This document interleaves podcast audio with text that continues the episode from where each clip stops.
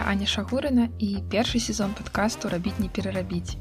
Падкаст, дзе мы размаўляем на ідэальнай беларуска-украінскай трасянцы пра смецце, экалогію да тэхналогіі. Нарэшце да нас прыйшла весна.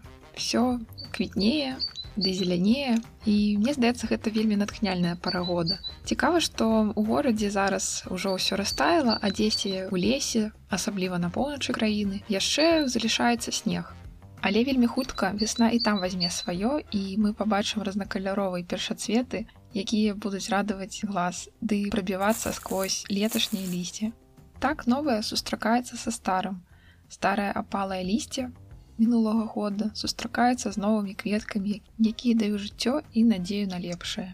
Мне падабаецца, што ў лесе гэтае палае лісце з мінулага года ніхто не збірае. Яно проста ляжыць сабе, кампастуецца ды дае жыццё чамусьці новаму. Натуральна, лісце лічыцца смеццем. Яго ніхто не ўспрымае як якісьці каштоўны рэсурс. І вось гэтыя самыя думкі прыйшлі ў галаву нашаму сённяшняму галоўнаму герою, які тады яшчэ быў школьнікам 16гадовым валенціну фрэчка. Валянцін гуляў па карпатскім лесе і разважаў на тэму, якая хвалявала яго даволі моцна. Гэта тэма нелегальнай вырубкі лясоў, да і легальнай таксама. Як вы ведаеце вырубка лясоў гэта ну, даволі вялікая праблема і актуальна яна не толькі для карпаты або ўкраіны а таксама і для беларусі і для іншых краін у свеце да таго ж усё взаемазвязана і мы не можемм сказаць што вырубка лясоў дзесьці ў адным месцы не паўплывае на планету увогуле разважаючы на тым якія альтэрнатывы могуць быць для таго каб лес не вырубалі што яшчэ можа стаць альтэрнатывай для вырабніцтва цэлюлозы валенцін гуляў па лесе і заўважыў апалае лісце. І тады ён упершыню задумаўся, ці не варта спробаваць выкарыстоўваць апала лісце замест дрэваў. Можа гэта таксама нядрэнная ідэя, так сказаць дрэвы цэлы і лісце будзе выконваць добрую справу. Я на самой справе вельмі люблю такія вось эврыка моманты ва ўсіх наших гісторыях пра перапрацоўку мне заўжды падабаецца як галоўных героя просто штосьці вот натуральна змяшчаецца ў галаве і яны такія так трэба рабіць по-новаму і прапануюць такія ідэі якія ніхто дагэтуль не прапанаваў так было і ў гэтым выпадку. Тады валенцін пачаў рабіць свае першай спробы і намагаўся зрабіць літаральна з лісця якосьці падобія паперу Але ўвы ях усе першыя спробы не спрацоўвалі і першыя ўзоры паперу з апалага лісця просто разваліваліся ў руках. Але на што трэба звярнуць увагу это на настойлівасць нашага галоўнага героя. Бо ведаеце ну пасля першай спробы ён мог бы і здацца і сказаць ну не атрымалось так не атрымалось жаль але як ёсць. Але ён не кінуў гэту ідэю пачаў яе дапрацоўваць. І так у 2018 годзе яшчэ на базе сваёй школьнай лабараторыі ён прыдумаў прататып паперу запалага лісця Пасля першых паспяховых спробаў у лабараторыі Валенцін пачаў падавацца на ўсе, якія толькі мажліва, гранты ды конкурсы. Як вынік ужо ў 2018 годзе ў яго было даволі шмат наград на міжнародным і на нацыянальным узроўні. Всё добра, тэхналогія ёсць, прызнанне ёсць, але ўстае новыя пытанні, дзе ўзяць лабараторыі ды дзе ўзяць грошы на развіццё праекта. Бо зразумела, што школьнай лабараторыі справы не маглі абмяжоўвацца напрыканцы ўся таго ж 2018 года валентин быў запрошаны працаваць экспертам па інавацыях на жытомірскі картонны камбінат. Таму што слава пра яго праект ужо пашыралась і ён стаў такі даволі вядомым у сваёй галіне. Два гады валентин працаваў на заводзе і дапрацоўваў свой прадукт. Калі ён зразумеў што нарэшце ён гатовы выходзіць на якісьці новыя ўзроўні ды пераводзіць прадукт на міжнародныя маштабы тады нарадзіўся праект реліф Зараз ён вядомы пад брэндам реліф бэкс. Тут такая ігра слоў, бо рэ у пачатку слова гэта азначае перапрацоўку, ліф гэта лісце і бэкс гэта як сумкі. То бок, калі ўсё удакладніць, то это перапрацаваныя лісце, з якіх робяць сумкі, папяровыя пакеты тыя самыя. На гэтым этапе працягваюцца даследаванні, робіцца першая партыя прадукцыі менавіта прамысловым спосабам, а не мануфактурна, як было да гэтага. І што важліва, з'яўляюцца першыя грантавыя сродкі 20 тысяч даляраў.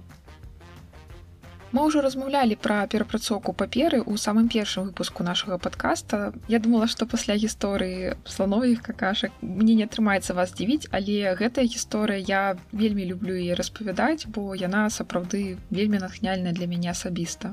Ну напэўна зараз я таксама трошки раскажу і пра працэс вытворчасці бо напэўна таксама будзе цікава даведацца як запалага лісці якое мы бачым все там у парках на наших дачных агародах. Што трэба зрабіць што з'явілася бумага напрыканцы гэтага цыклу. Спачатку першае што нам патрэбна зрабіць гэта сабраць тое самае палае лісце. Проект реліфбэкс збірае сваё лісце ад гарадскіх муніцыпалітэтаў сушыць асаблівым чынам і ператварае ў гранулы. Гранулы патрэбна рабіць для таго каб сыравіна для наступнай гатовай прадукцыі магла зберагацца пэўны час для таго каб вырабніцтва было мажліва процягам усяго года.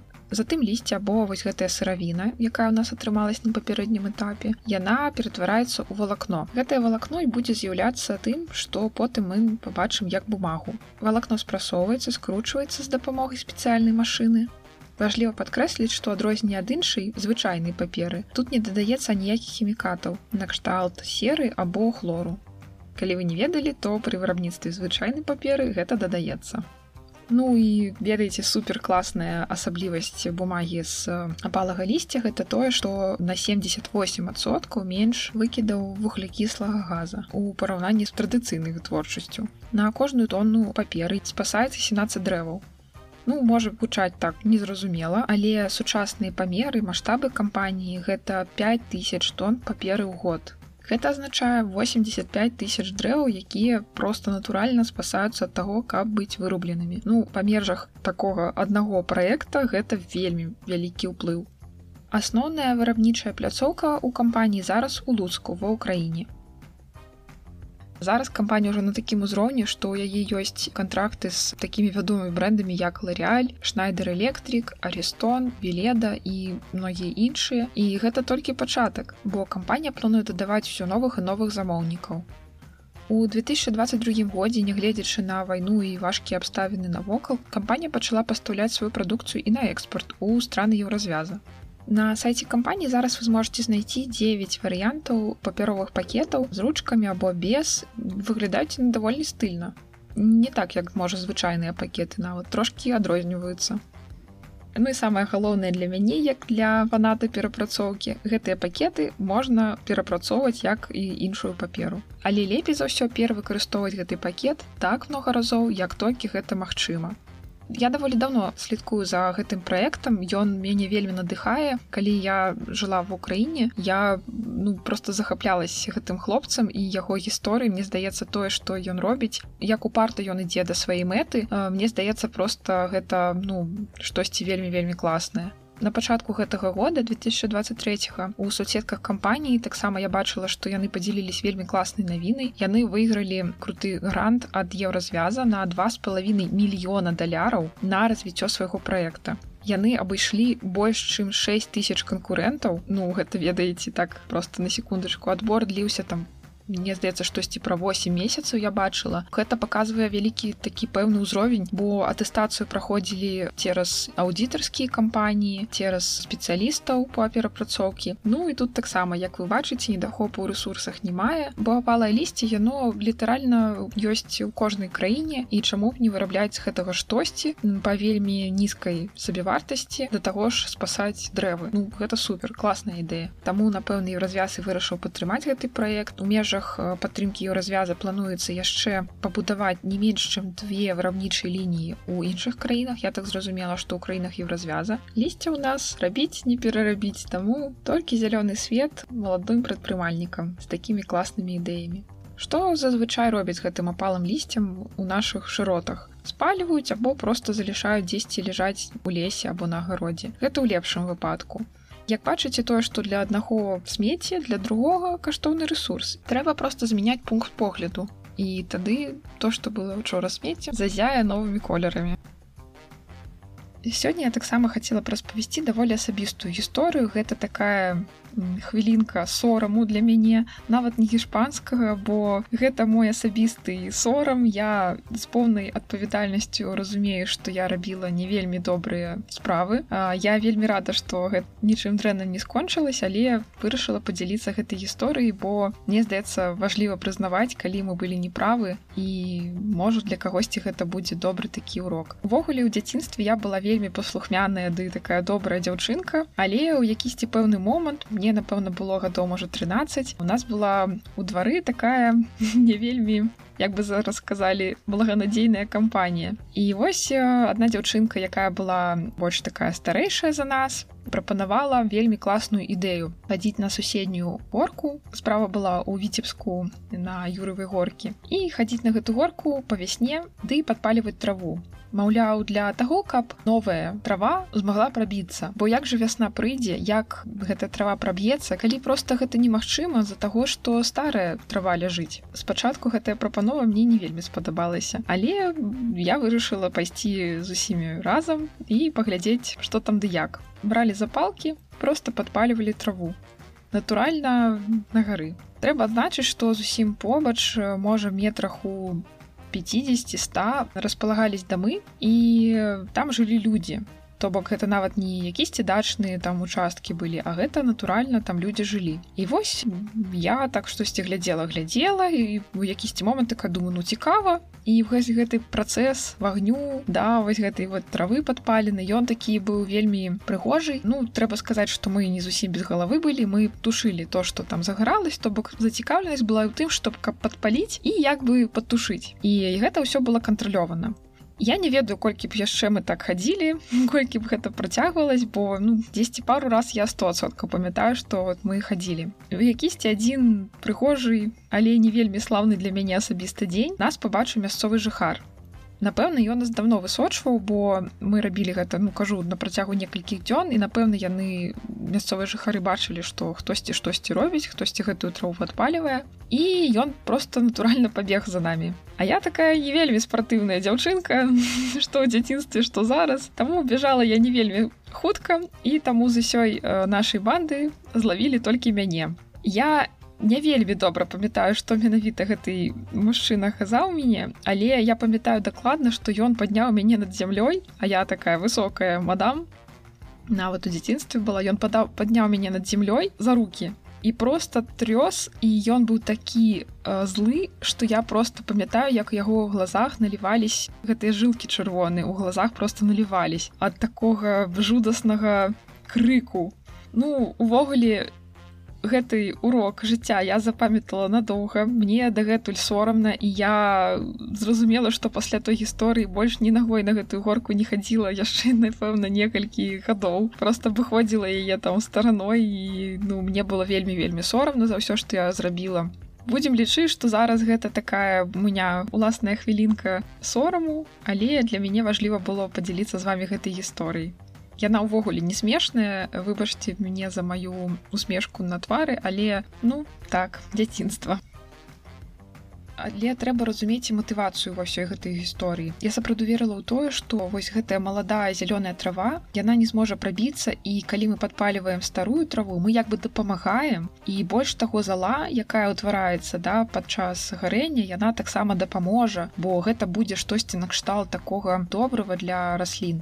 Але не гэта увогуле не так. Гэта просто вось памылка міф. Я не ведаю адкуль ён увогуле ўзяўся чаму людзі так лічаць. І я таксама здесь раблю такую трошачки адсылку да папярэдняга выпуску майго подкасту дзе я распавядала про тое як з чалавечага праху які ўтвараецца падчас крымацыі спробавалі вырошчваць дрэвы. Проект гэты не апраўдаў сабе бо на самой справе ў гэтай зале няма нічога карыснага і расліны могуць толькі загібнуць. Ніяк яна не дапамагае росту. Як я даведалася яшчэ ў дзяцінстве і зараз як бы так падмацавала свае веды падпал не той што не дапамагае можа нанесці вялікую шкоду і нават стаць прычынай гібелі людзей не кажу ўжо нават пра якіхсьці жыхароў лясных бо могуць дзесьці спаць у траве ёжыкі да могуць якісьці жучкі быць Таму ну не трэба так рабіць гэта 100соткаў не той спосаб як трэба бароцца з травой увогуле ці патрэбна з ёй бароцца трэба таксама нагадаць што у большасці краін свету ёсць нават штрафы за падпаліванне травы. Нават на ўласных гаспадарках на ўласных дачных якіхсьці сядзібах гэта забаронена. У беларусі наколькі я зразумела на ўласных сядзібах гэта не забаронена у якісьці таких зразумелых памерах. Але я ведаю што у іншых краінах ёсць прамая забарона нават на падпал на сваёй сядзібе спаліваць траву або апалае лісце гэта вельмі дрэнна для здароўя Я пакуль не пачала гатаваць выпуск гэтага падкасту, я нават не ведала, наколькі сур'ёзныя могуць быць наступствы для здароўя. Зараз вам раскажу. Справа ў тым, што ў гэтых шчыльных вільготных кучах лісця спальванне праходзіць без доступу кісларода. А гэта азначае, што пры спальванні ўтворыцца не СО2, а СО, то бок угарны газ. Малекулы гэтага газа вельмі лёгка пранікаюць у тканіны чалавека нават праз скуру. Таму можа вы заўважалі, што калі дзесьці можа на дачы спальвалі лісце і вось увечары так асабліва баліць галава, то гэта ніякае не супадзенне. Гэта не з-за таго, што вы там пабылі на свежым паветры, гэта наадварот з-за таго, што вы надышались угарным газам. Шкода ад гарэння лістоты прыблізна ў 300 разоў больш вялікая, чым ад спальвання звычайнай сігареты. Сустракала вось і такую інфармацыю. А пакуль кампанія Reliefбэкс да нас яшчэ не дабралась і не гатова збіраць нашы апалыя лісце. І як мы ўжо ведаем спальваць гэтыя лісце, гэта вельмі дрэнная ідэя. Што ж з ім можна зрабіць, калі яно вам так уж перашкаджае. Па-першае, напэўна, самы такі даступны спосаб гэта кампаставанне, калі мы кажам пра якісьці дачны участак. Дадабайце апалы лісці ў кампост, гэта будзе карысна для складу гэтага самага кампоста. Другі спосаб, што можна рабіць сапалым лісцем, гэта выкарыстоўваць яго для так званага мульчавання. Увогуле мульчай можна назваць любы матэрыял, які ляжыць на паверхні зямлі. Галоўная мэта гэтага матэрыялу абараніць тое, што укрываецца пад гэтай мульчай. Па-першае, калі мы пакрываем мульчай нашы агароды, там менш растуць сарнякі што вельмі класна па сабе ведаю сарнякі вырываць на дачы ніколі не любіла по-другое мульча дапамагае нізіць такі негатыўны ўплыў на расліны ад перападу тэмператур хтосьці з садоўнікаў выкарыстоўвае мульчаванне толькі падчас зімы хтосьці толькі ўлетку а ёсць такія прыклады калі мульчаванне выкарыстоўваць на працягу ўсяго года Ну і трэці спосаб такі вядомы нам всім напэўна гэта выкарыстоўваць апалае лісце для домашняга дэкору для якісьці вырабаў цікавых. Мне напэўна восень асацыюцца з вось гэтым збіраннем лісцем у парку і потым пакласці ў кніжачку. Гэта ж такая была класіка жанра што кажуць